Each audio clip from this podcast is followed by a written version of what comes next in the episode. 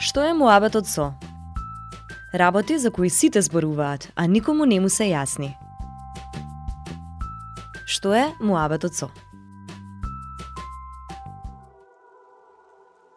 Председателот Пендаровски не го подпиша указот за прогласување на законот за утврдување на правен статус на бесправно изградени објекти.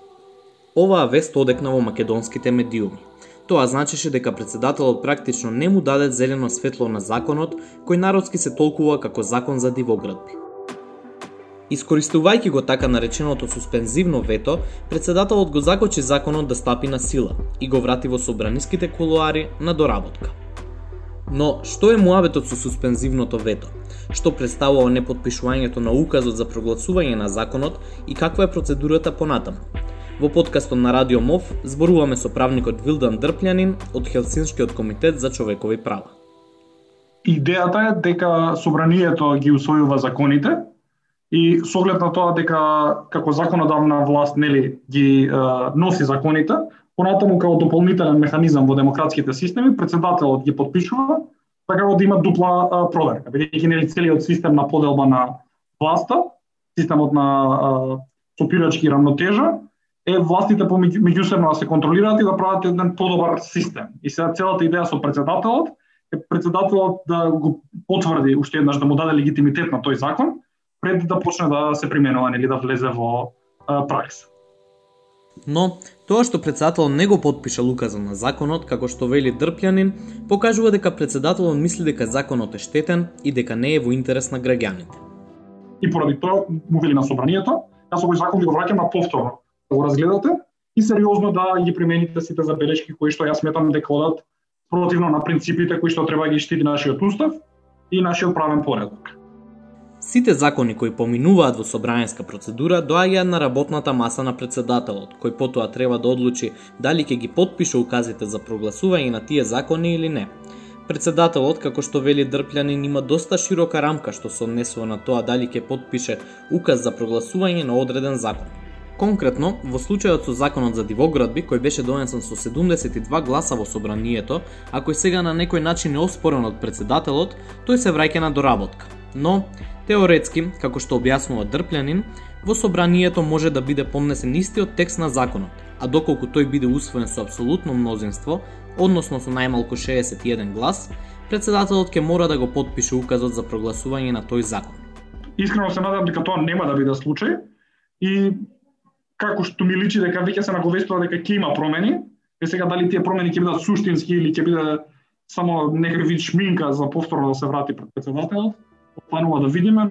Единствениот пат кога председателот не може да бира дали ќе подпише указ за прогласување на некој закон, односно не може да го искористи суспензивното вето, е кога еден закон ќе биде донесен со двотретинско мнозинство.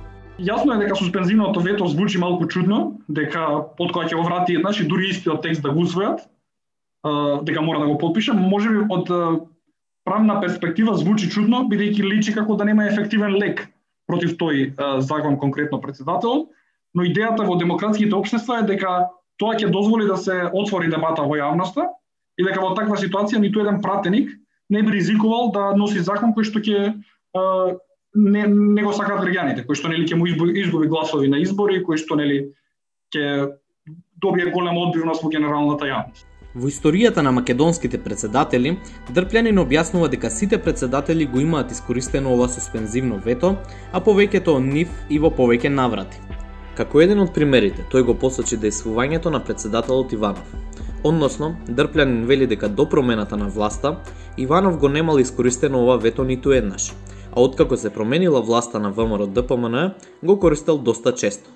И во таа насока ни покажува колку е добро од една страна што може да овозможи актуализација на прашање, во секој случај председателот се вклучува повеќе во а, нели во политичкиот живот и не не зависи се само од а, владата, министрите и така натаму, туку веќе имаме и трета фигура која што може да се вклучи во процесот на одлучување.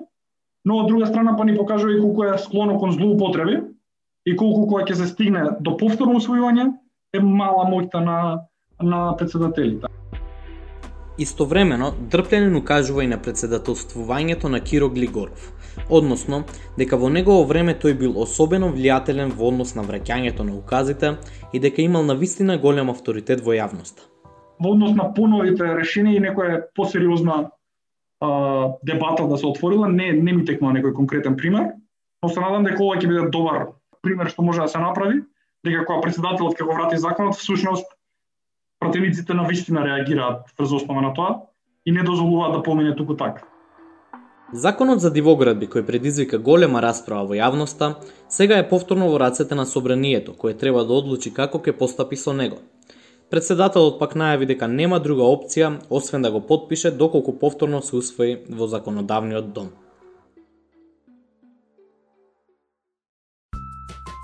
Што е муабетот со? Работи за кои сите зборуваат, а никому не му се јасни. Што е муабетот со?